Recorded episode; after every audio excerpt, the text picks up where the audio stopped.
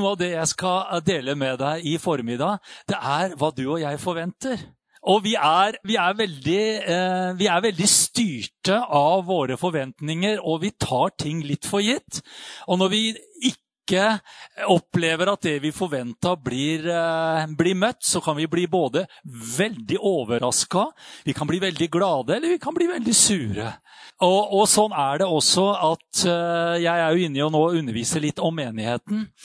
Og det jeg har lyst til å, å snakke om i, i formiddag, det er hvilke forventninger har du til menighet? Hvilke forventninger, forhåpninger, har du av å komme til Guds menighet? Og de forventningene har jeg skjønt etter eh, snart eh, over 26 år er veldig ulike. Det fins veldig ulike forhåpninger og forventninger av hva det vil si å komme til en menighet. Og det er sånn at uh, Menighet det er jo familie, det har jeg snakket om tidligere. og jeg skal snakke en del om det i dag også. Og Hvor mange av dere er det som valgte din egen familie? Kan jeg se din hånd? De aller, aller fleste av oss velger ikke vår familie. Vi blir enten født inn i familien, adoptert inn i familien, eller vi kan være fosterbarn inn i en familie. Stort sett så velger vi ikke vår familie, vi blir født inn i familien. Om du hadde vært her på møte forrige søndag, så hadde du hørt meg si du velger heller ikke hvilken menighet du går i. Det er, det, er jo, det er, jo, litt spesielt at, uh, at Gud det står i, andre, det står i Apostlenes gjerninger 2,42 at hver dag la Gud til menigheten de som uh, lot seg frelse. Altså, Det var Gud som bestemte hvilken menighet folket skulle gå i. Og vet du hva? Det tror jeg gjelder i dag også. Står i Efeserne 2,19 Derfor er dere ikke lenger fremmede og utlendinger. Nei, dere er de helliges medborgere og Guds familie, står det i 2011-oversettelsen. Derfor er det menigheten er også Guds familie. Du som er eh, medlem av Troens Liv Bibelsenter, du har kanskje erfart det. Noen ganger så kommer folk hit og spør om de kan leie lokale til eh, konfirmasjon eller bryllup eller eh, minnestund osv. Og, så og da sier jeg alltid nei, det kan du ikke. Du kan ikke leie dette lokalet, men du kan låne det. Du kan låne dette lokalet, for dette er ditt hjem, og dette er din familie. Det har vært veldig unaturlig hvis jeg eh, kom til mine kjære søsken som har fine og hyggelige hjem, og de er veldig åpne og gjestfrie. Og så, og så har jeg noen ganger, fordi at min leilighet på 72 kvadrat og på Klyve eh, rommer ikke all verden, så noen ganger så, så har jeg feira noen bursdager og sånn eh, hos mine kjære søsken eller tidligere foreldre. Jeg hadde jo blitt litt overraska og si at ja, det kan du så veldig gjerne gjøre, Runar, men Timesprisen er ca. 350 kroner, så det skal gå greit. Skjønner du? Jeg hadde jo blitt overraska om familien Jeg hadde ikke forventa det. At familien skulle ta leie. Du vet, Det koster mye med strøm når hun har, og vaskemaskinen går osv. osv. Nei, vet du hva? Jeg har en forventning, tro det eller ei, at det slipper jeg å betale for leie av å låne det. Så eh, om du er medlem av Troens Liv, det burde du bli, altså, for det er så mange fordeler. Dette lokalet er jo ditt og vårt og Guds sitt. Amen. Vi er jo familie. Det er jo her du hører til. Her skal du komme på ditt svakeste og dårligste, og her skal du få lov til å komme når du er på topp. Familien den rommer hele livet, og det skal Guds menighet tåle også. Amen. Vi går til eh, Ja, jeg kan jo bare si det at eh, hadde vi vært en business eller en forretning, så skulle saken vært litt annerledes. Men vi er familie først og fremst. Amen. I står i 1. Timoteus 3,15.: Men hvis jeg blir forsinket, skriver jeg slik du kan vite hvordan en bør oppføre seg. Hør nå skriver, sånn at du vet hvordan du skal oppføre deg i Guds hus, som er den levende Guds menighet, sannhetens støtte og grunnvoll. Så her er det litt oppdragelse ute og går. Ja, Paulus snakker om at vi faktisk må vite hvordan vi skal oppføre oss i menigheten. Så er det jo noe som eh, viser, hvert for meg, at det er noe som ikke bare skjer automatisk. Du vet, Disiplin og lydighet det er ikke bare noe som skjer. Jeg snakka med noen foreldre her som, eh, som, eh, var veldig tydelige på det at nei, de barna de hadde, de måtte finne ut av det selv. Nå er det ene barnet 25 år og har ennå ikke funnet ut av seg selv. Skjønner du? For det var noen der som ikke ga dem disiplin og, eh, og, eh, og visste hva normal oppførsel er. Er mest egoistiske menneskene. Jeg kjenner ikke så veldig godt, men eh, det er tydelig at de er ikke fanga opp det. Og så er det sånn at du og jeg, vi vil oppføre oss etter hvilke forventninger, forståelser og oppfatninger vi har av hva det vil si å være menighet. Kjenn på den. Vi vil oppføre oss, og vi vil tenke og handle og samhandle og engasjere oss i forhold til den forventning, det bildet som vi har av hva det vil si å være menighet. Så det skjer ikke helt naturlig at vi her nå bare har en rett forventning av hva menighet innebærer. Det er noen som må fortelle deg og meg hva det innebærer, og da går vi selvfølgelig først og fremst til Guds ord. Hva er det Guds ord mener med menighet? Hva vil det si at du og jeg har blitt lagt til en menighet av Gud? Hvilken intensjon, hvilken mening er det Gud har ved at du og jeg sitter her på en søndag formiddag i oktober. Du kunne ha gjort så mye, mye mer, men du har kommet hit. Hvilke forventninger har du ved å komme hit? Så veldig, En del kristne er dessverre veldig frustrerte og misfornøyde med menigheten sin. Fordi de forventer noe helt annet enn det de får. Jeg vet ikke åssen det er med deg, men uh, sånn er det veldig, veldig altså, Det samsvarer ikke med de forventningene og forhåpningene som, er, som de har. Er det noen som opplevde at tro og forventning henger sammen? Det du forventer, har du også en sterkere tro for eller sterkere tro på. Du hører eh, ofte vi sier her, Henning sier det veldig ofte. Har du forventning til Gud i dette møtet her i kveld eller i dag, sier Henning. Har du forventning? Og hvorfor spør han om det? Jo, fordi at hvis ikke du har noen forventninger til Gud, at han skal gjøre noe eller, eller si noe eller, eller, forandre noe, så blir troen deretter også. Har du høye forventninger, så er det mye enklere for troen å koble til og, og, og liksom kjenne det. Å, halleluja! Forventning og tro, det henger sammen. Lave forventninger har, da er det ikke så veldig høy og mye tro å finne heller. Så forventning og tro, det, det, henger, det henger ganske flott sammen. Jeg vet ikke hvordan det er med deg, men jeg har opplevd at jo eldre jeg blir, så er det noe som blir viktigere og viktigere for meg. Og nå må jeg bare si med en gang, nå er vi ikke helt inne i den teologiske Guds ords-greia. Men det som blir viktigere og viktigere for meg, vet du hva det er? Kundeservice. Det henger sikkert med alderen. Altså, Det er ting nå som er blitt veldig viktig for meg, som ikke var viktig for meg da jeg var 20. Jeg brydde meg ikke døyten om det.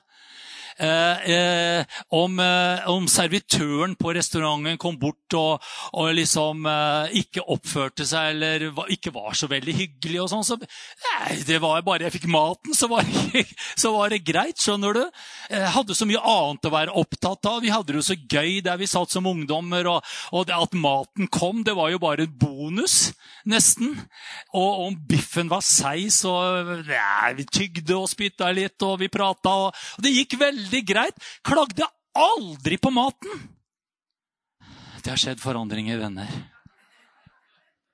Jeg hadde en episode i går, men den skal jeg ikke nevne her, for den har jeg bedt Gud om tilgivelse for. Den er under blodet. Men jeg er sånn, dessverre. Jeg tror denne maten, den må du sende ut. Eller du, denne kaffen her, du verste jeg vet, er lunka kaffe. Det må være brennvarm. Kan du lage en ny? Hadde jo aldri sagt det som en 20-åring. Hadde jo svelga ned på den lunkne kaffen og ikke sagt et pip. Men vet du hva som er? Jeg har økt mine forventninger til å bli serva. Er det noen av dere som har opplevd noe av det samme? Karl Magnus, nyt å være der du er nå, altså. Det er helt nydelig. Du irriterer deg på så utrolig lite. Og jeg må, jeg, jeg må mange ganger bare si 'Gud, altså, hjelp meg', så jeg ikke irriterer. Jeg blir så irritert, vet du. Skjønne gode, hellige, salva pastoren. Så når jeg tar inn på et hotell eller går inn på en restaurant, så, så blir så det servicen og kundeservicen det har blitt mer og mer viktig. Når jeg kommer inn på en restaurant, så forventer jeg at personalet er på sitt aller beste. De er kjempehyggelige, og de blir så glad for å se meg. De smiler, og jeg bare kjenner meg så sett og velkommen. Og så forventer jeg at eh, menyen kommer ganske raskt. Og så spør de meg med en gang du, mens du venter på maten, skal det være noe å drikke. Og så sier jeg ja, det har vært deilig med litt isvann eller cola eller hva det er. Og og det drikket det kommer så raskt på bordet. Det kommer, boff, så står det der. Og Så ble jeg i menyen og koser meg og tenkte å, det har jeg lyst på. Og det har jeg også lyst på. Det var litt dyrt, men nei, det unner jeg meg i dag. Nei, det her det ser veldig godt ut. Og så forventer jeg at maten kommer innen rimelig tid, sånn 15-20-25 minutter. Er det riktig, Sergio? Sånn rundt der? Du som er servitør. Å, halleluja, jeg elsker deg. Altså, Sergio han får så mange gode tilbakemeldinger. Han er verdens beste servitør. Han vet nøyaktig hva jeg prater om nå, ikke sant? Oh, glory Jesus. Og så er det jo alltid hyggelig når servitøren kommer og samler inn tallerkenene. Det er helt skrapa, de ser nesten slikka ut, og, og, du bare sier det var ny. Og så De spør hvordan smakte maten, og du har sagt den smakte så godt. Og så samler du inn. Her er beviset, sier jeg noen ganger. Her ser du beviset for hvor godt det er. Ja, du var sulten i dag, sier kanskje servitøren, eller noe sånt. Noe. Men så spør han meg du, skal det være noe dessert eller kaffe etterpå. Alltid hyggelig. Og, og da skipper jeg ofte desserten, for jeg er mett på maten. Og så sier jeg ja, en kaffe hadde vært godt. Og da sier jeg alltid å, la den være brennheit, sier jeg da. Og så kommer der, og så sier han ja, denne skal være varm nok for deg, og jeg drikker, og jeg kjenner den er helt perfekt. Og jeg koser meg. også, Det er så deilig.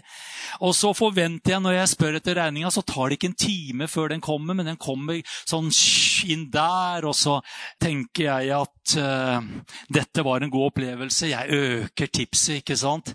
Det er noe godt å få, Sergio, når du bare ser De, de, er, så, de er, så, sleipe, vet du. Det er liksom Her er beløpet, og så kan du skrive inn det endelige. Ikke sant? Gå på Egon og har ikke fått maten engang. Og så bare skal du liksom, og her kan du skrive det endelige beløpet. Der er jeg litt sånn ja, det har jo ikke opplevd noe som helst enda, så det blir vel 700, da.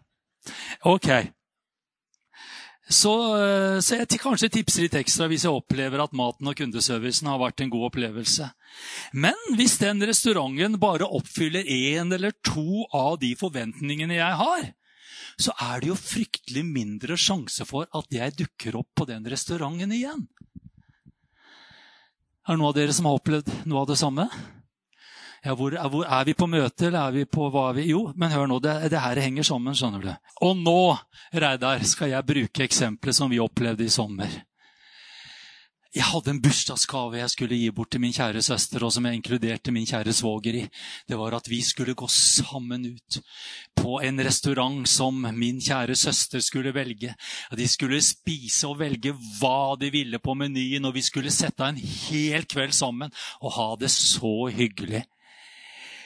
Og vi fikk anbefalt en restaurant, jeg bare sier det, i nærområdet i Grønland her. Og vi kommer dit, og så vet du, så hadde jeg bestilt bord. Men så var det et annet bord som var enda bedre enn det jeg hadde bestilt. Og så spør jeg du, kan jeg få lov til å ta det bordet der. Og da får jeg beskjed ja, det kan du. Hvilken start, altså! Helt ja, nå holdt jeg på å si. Men eh, vi fikk en fantastisk fin plass der. Men så begynte det å gå utforbakke. Da satt vi og venta 30-40 minutter. Nå må du korrigere meg der. 30-40 minutter venta vi på menyen.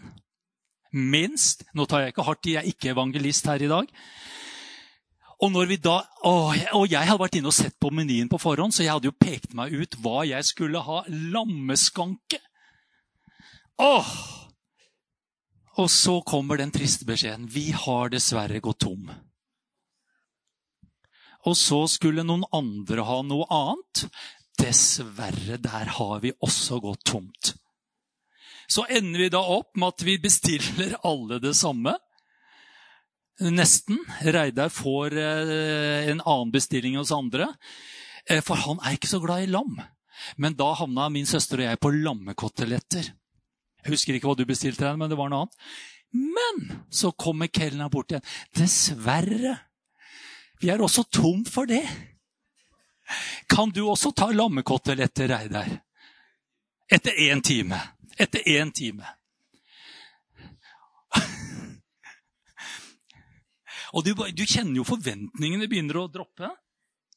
Og Reidar er jo så hyggelig og sier 'Jeg liker egentlig ikke lam, men la gå'.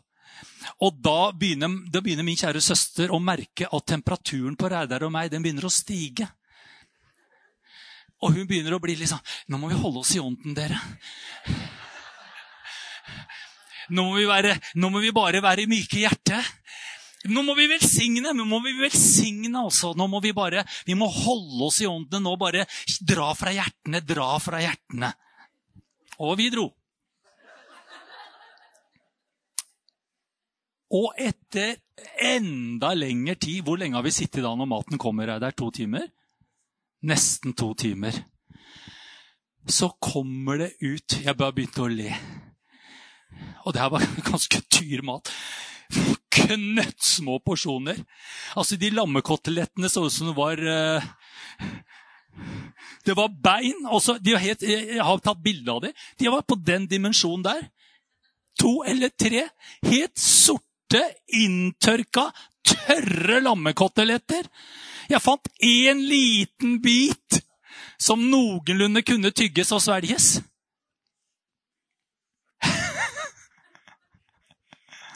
En lang historie kort. Vet du hva? Vi slapp heldigvis å betale for maten. Vi måtte betale for alt drikke. Men klokka var blitt ganske mye, og alle de andre restaurantene rundt var stengt. Vi var sultne, så hvor endte vi opp da? På Mækkern, selvfølgelig! Og vet dere hva? Vi fikk nøyaktig hva vi forventa. Det var ingen sveisende hyggelig servitrise. Det var bare en double sheet. Altså, jeg ble ikke stukket der. 'Hallo, liksom, se meg, liksom, spør meg, vær litt sånn altså, Jeg forventa ingen service. Det var bare 'Her er lappen, følg med på nummeret'. Men vi fikk nøyaktig hva vi hadde bestilt. Vi fikk nøyaktig hva vi hadde forventa. Og vi ble så mette. Jeg elsker jo Mækkern, så det var ikke noe nedtur for meg. Å, vi kjørte med milkshake, og vi liksom var ordentlig store storkarer på Mækkern. Oh, come on! The golden seagull, den gylne måke. Det er jo helt fantastisk. Men tror dere at eh, Jeg vet ikke åssen det er med dere, Reidar, men har dere vært på den restauranten igjen? Jeg har ikke vært der igjen, jeg heller, for det blei ikke som vi forventa, trodde og ønska. Kommer dessverre kanskje ikke til å gå dit igjen, men eh, vi skal være ydmyke og åpne.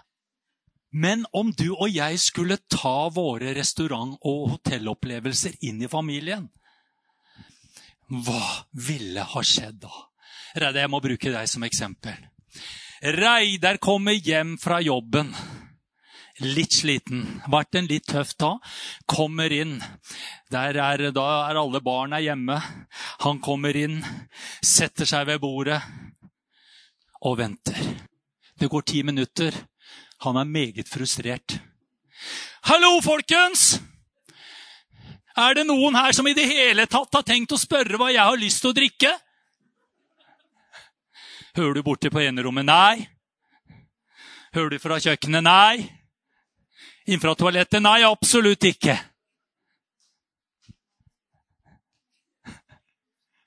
Ja, men hvor i all verden, hvor er menyen i dag, da?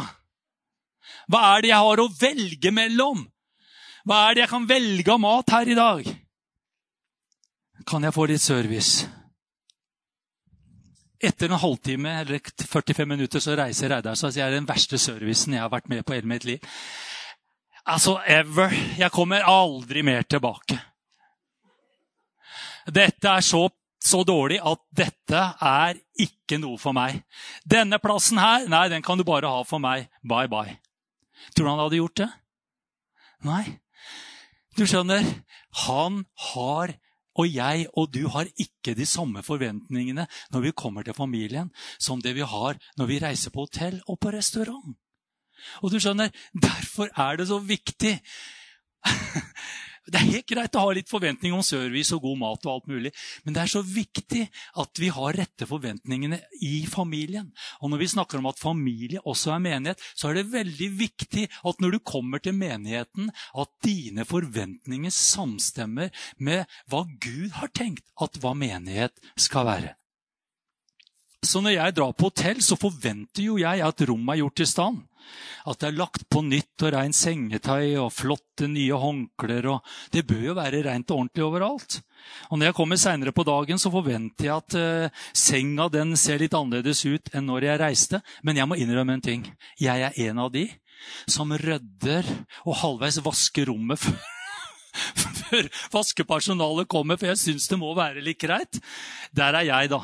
Men jeg, men jeg, forventer at når jeg kommer tilbake, så er ting i orden. Og kanskje så står det et par nye vannflasker på bordet, eller at eh, hvis du er i Syden, så har plutselig håndklærne dine forvandla seg til ender og elefanter og apekatter og jeg vet ikke hva. Ser du, det, det kommer eh, det, eh, de, de, gjør veldig mye. Når jeg var sist ned nå, så fikk jeg plutselig inn en svær tallerken med frukt med sånn gladpakk over. Og, og, det var liksom strødd blomster på senga. Jeg tenkte kjære, de tror de er på bryllupsreise. Det er jeg jo absolutt ikke. Men, men liksom, de, de, de, gir service, altså. De forsøker å få meg til å, å trives. Og jeg håper uh, du ikke blir støtt hvis ikke du får samme behandlingen hjemme i din egen familie. Uh, og har du det som på hotell hjemme i familien din, så, så um, skal vi ta en prat etterpå. Det som skjer når vi tenker familie, det er at det er en plass hvor du og jeg bidrar. ikke sant? Det er et sted hvor vi støtter og bygger, og som vi holder oppe. og som, som jeg sa, Vi kan ikke velge vår familie. Det er ikke en plass som du bare eh, Magnus, tenk om du bare sier nei, nå er jeg så lei av Daniel. Det er så mye mas og kjas og slitsomt alt sammen. Så nei, nå tror jeg jeg dropper han litt ut her, altså. Få se hvordan det går. Nei. Du vet at du vet, der er du committed mange, mange år framover. Og du går ikke hver dag og spør deg hva gidder jeg ha noe med den ungen å gjøre i dag. Jeg må kjenne litt etter om det er behagelig, eller om det er greit. Du, ikke, du, du, bare, du bare gjør det Ikke sant, Daniel?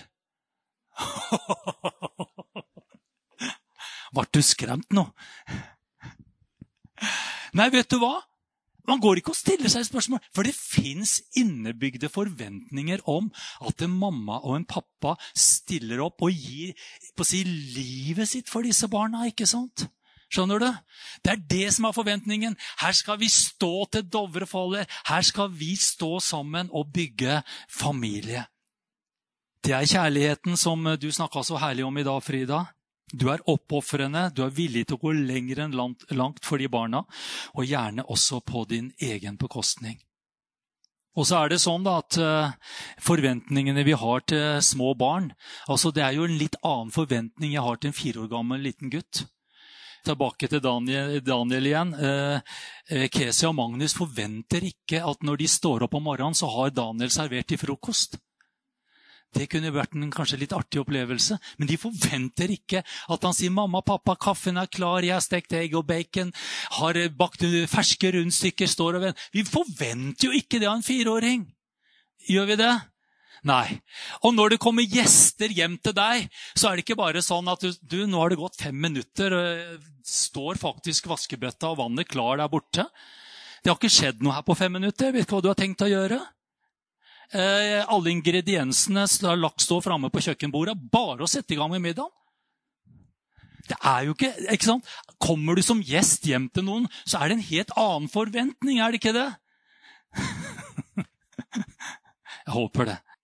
Og er du gjest og kommet inn her på troens liv, så forventer ikke vi at du kommer og server oss her med en gang. Du begynner å stille deg ved siden av møteverten og ønske velkommen. Når møtet er ferdig, så løper du ut og begynner å hjelpe til i kafeteriaen. Og så er det ikke sånn at vi forventer at du er den som slokker lysa når vi alle går. Du har kommet hit, og vi skal betjene deg og serve deg og, og vise familie fra sin aller beste side. Det er det vi ønsker, ikke sant? Det er forventning. Så når du og jeg er på en restaurant, så tenker ikke du og jeg på hva er det jeg kan bidra med her i, i dag.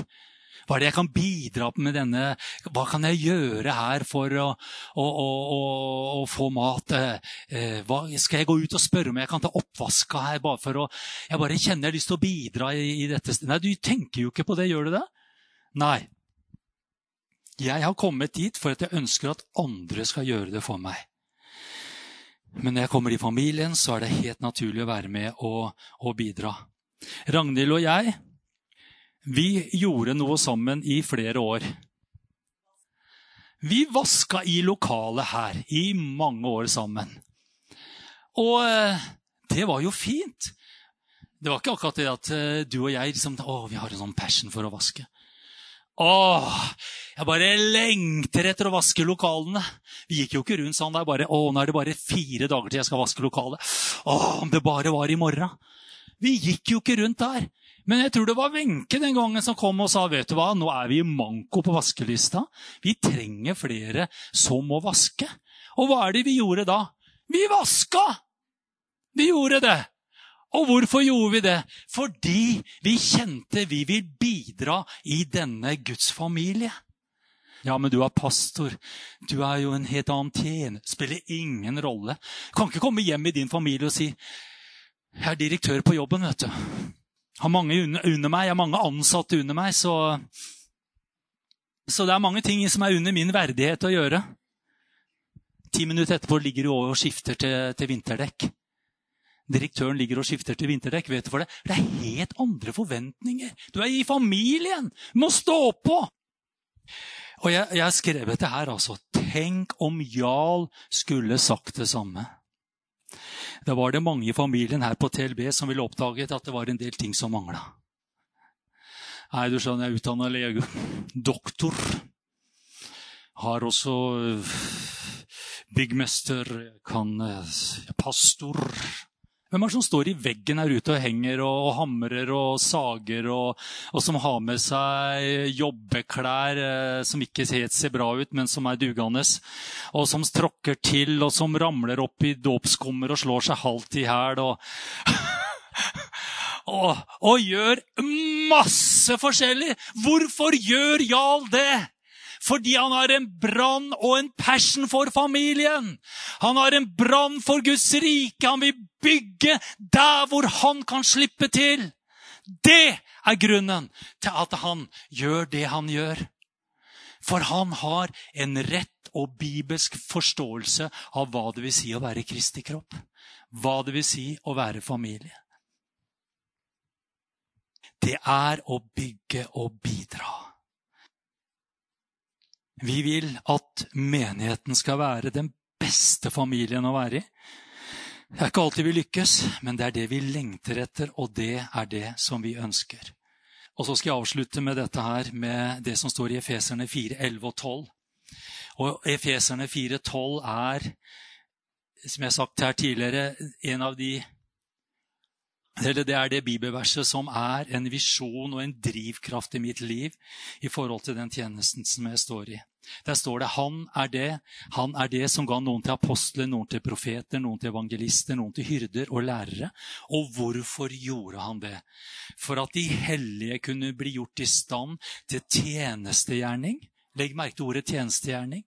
Eller som det står i en annen oversettelse, tjenestens arbeid til oppbyggelse av Kristi kropp. I hverdagsbibelen så står det Jesus har gitt oss forskjellige oppgaver.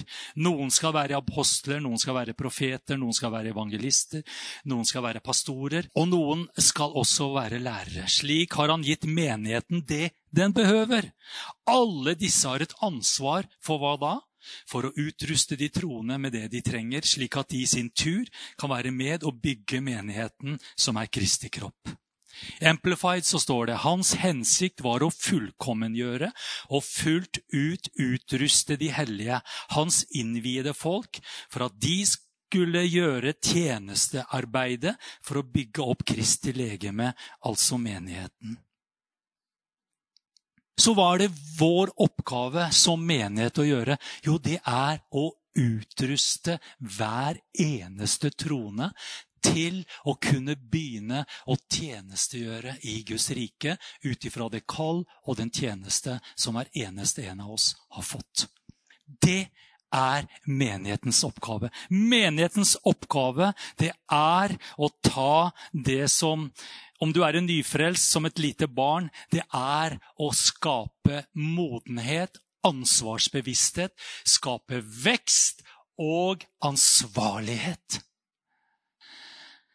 Og jeg som trodde dere var satt her for at vi skulle ha det liksom litt gøy og godt og slappe litt av og bli underholdt og få gode følelser og kjenne på at uh, det er bare godt å være til. Jo, det også, men først og fremst. Du vet at uh, en hyrde bør Du vet at Jesus er overhyrden. Og jeg som pastor og vi som pastorer, vi har ikke sauer. Vi leder og mater sauene. For det er Jesus sin, det er Jesus sin, det er Jesus sin, eh, sin jord. Det er Jesus sine sauer. Jeg har bare lyst til å lese videre det som står i Efeserne 4,13. Nå skal jeg snart avslutte. Fra vers 13. Inntil vi alle når fram til enheten i troen på Guds sønn og i kjennskapet til ham, og blir det modne mennesket som er fullvoksent og har hele Kristi fylde, det er poenget med menighet. Så at vi ikke lenger så skal vi ikke lenger være umyndige småbarn. Ikke la oss kaste hit og dri, dit og drive omkring med hvert eneste vindpust av ny lære, så vi blir et bytte for menneskers falske spill og listige, forførende knep. Men vi skal være tro mot sannheten i kjærlighet i ett og alt og vokse opp til Han som er hodet. Hva skal de fem tjenestegavene gjøre? De skal utruste deg så du kan leve et rikt kristenliv. Det skal få deg til å vokse og modne til å bli en ansvarlig kjærlig og tjenende kristen, så at vi alle blir mer og mer lik Jesus. Meningen med familien er at den skal vokse og modnes i kjærlighet. Det er den naturlige gangen i en familie. Nå bare leser jeg litt til, for det er like greit å lese det. For problemene kommer med en gang vi nærmer oss menigheten og ikke tenker på dem som en familie. Vi blir forvirra og skuffa hvis vi forventer at menigheten skal opptre som et hotell eller en restaurant. Vår oppgave og vårt mål er ikke å gi deg et bedagelig møte hvor du kan lene deg tilbake og gjøre absolutt ingenting. Hvor lovsangerne skal synge for deg og predikanten skal inspirere deg og gi deg en behagelig søndag. Du betaler betaler eller gir tross alt tiende, så litt valuta for de pengene forventer du å få. Og er møtet skikkelig bra, så gir du ekstra tips i kollekten neste søndag. Nei, for modenheten bør føre til at du og jeg tar et personlig ansvar. For hvis vi ikke ser på menigheten som en familie, vi vil heller ikke se på de fem tjenestegavene som er satt i menigheten der for å utruste deg, oppmuntre deg og modne deg. De er der for å gjøre det kristne liv. De er ikke der for å gjøre det kristne livet for deg. Vi har misjonsbefalingen, forkynn evangeliet, be for de syke, ta dere av de fattige og hjemløse og gjør disipler. Men vi kan komme inn i menigheten og forvente at menigheten skal gjøre det Jesus har bedt deg om å gjøre. Da har vi mistet det personlige ansvaret som hver enkelt av oss har som en kristen. Kanskje en del er på leit etter å finne mennesker og menigheter som gjør det Gud i utgangspunktet har bedt deg om å gjøre. Du forventer egentlig at tjenestegavene og menigheten generelt skal leve det kristne livet du selv ikke orker eller gidder å leve. Men menigheten er ikke kalt til å leve kristenlivet for deg, men sammen med deg. Halleluja. Dette er mye bra, altså. Oh, glory Jesus. Å, kalibrer passet ditt. Menighetens oppgave er å modne og utruste deg til å bli en kristen som gjør tjeneste innenfor den levende Gud, som lever ut i himmelske kall og tjenesten, og som bygger Kristi kropp. Det er sånn i familien. Det er ingen det, er, det, er, det er sånn enhver, bør være sånn i enhver familie. Det er ingen som tror så mye på deg som familien. Og det er heller ingen andre som kanskje utfordrer deg og til dels irriterer deg så mye som den. Vet du hva? Det er familiens oppgave. Alle mennesker lengter etter å være del av en familie. Alle kristne trenger å være en del av Guds familie, av Kristi kropp og Guds familie og, og, Guds familie. Og da har jeg bare lyst til å se, si velkommen hjem til Guds familie. Halleluja. Halleluja. Glory Jesus.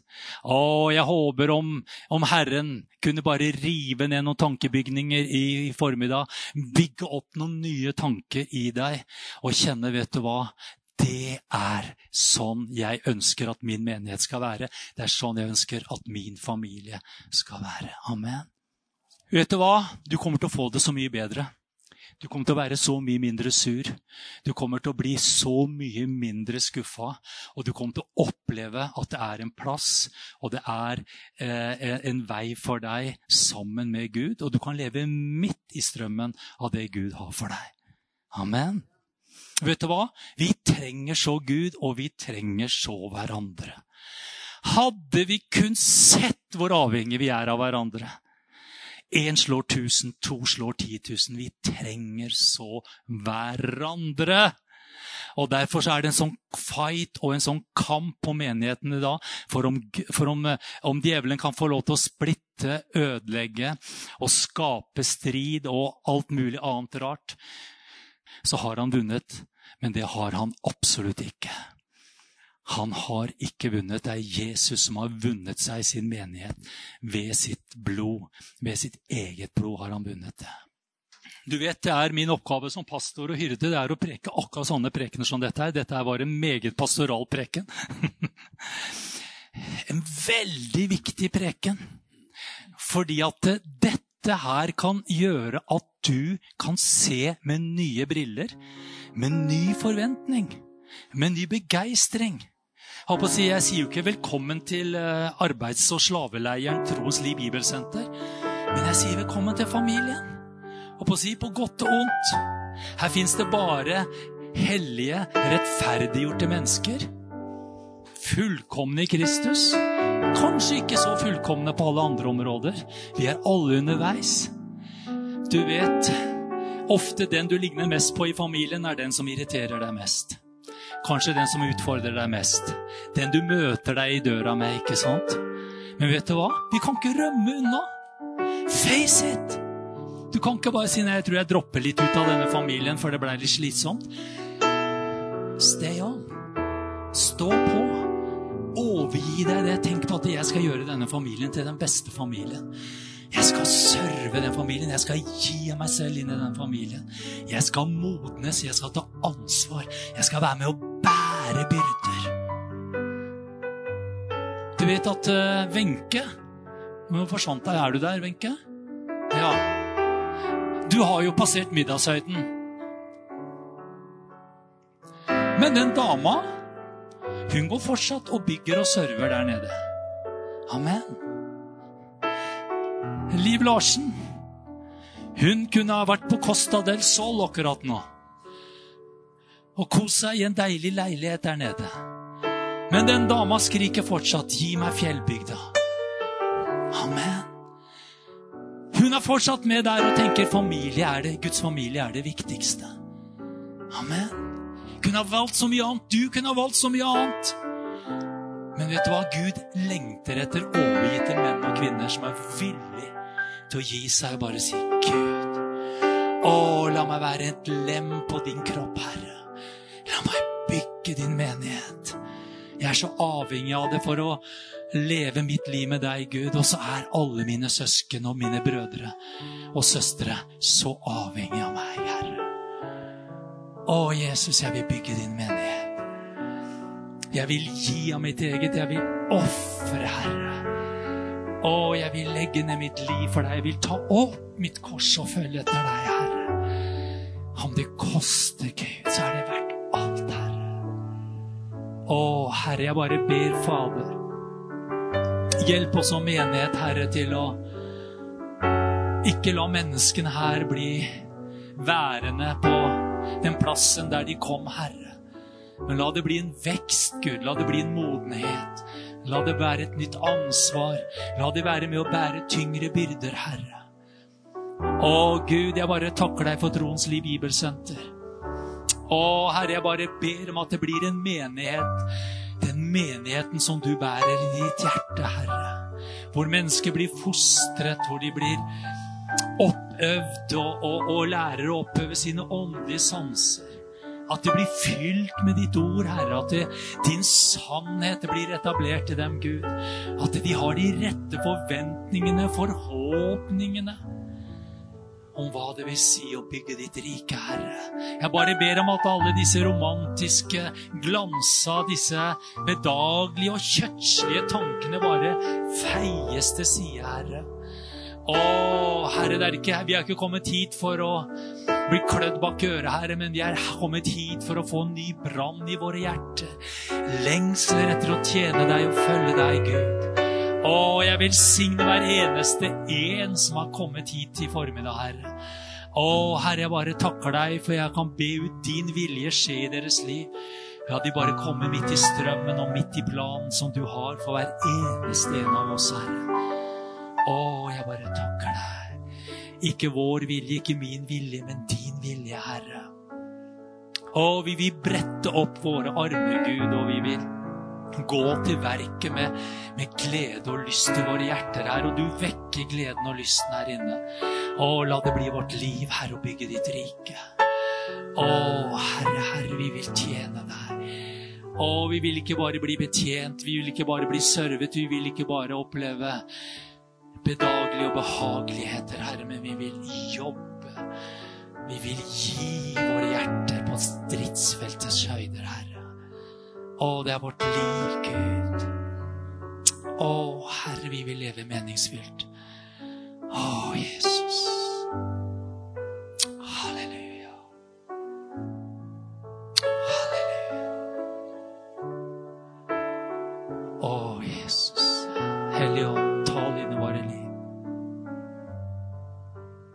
Å, vis oss Guds tanker, Guds veier.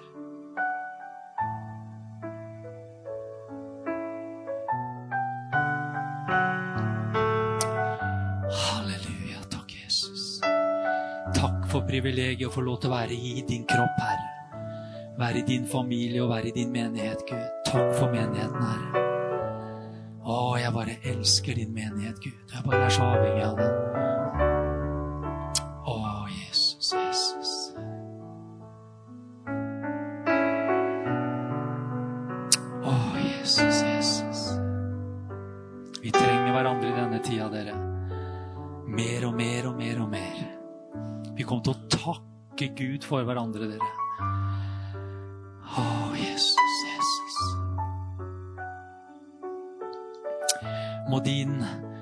Kjærlighet og vært støttende bånd ved Den hellige ånd bare binde oss mer sammen i den tida som ligger foran Gud. At vi kan stå skulder til skulder, Herre, og sammen bygge ditt rike, Gud. Å, verden trenger din menighet, Herre. Den trenger din familie, for det er så mange familieløse der ute som er på leit etter å finne en trygg havn, Gud. Å, Herre. Vi vet at vi ikke er en perfekt familie, men vi er en ekte familie. Ekte familie. Halleluja. Takk, Jesus. Kan du bare gjenta etter meg? Takk, Gud, for at du ga meg ditt aller beste Takk, Gud, for at du ga meg din familie, din menighet. Takk, Gud, for at jeg er født inn i din menighet. Født inn i din familie. Takk, Jesus.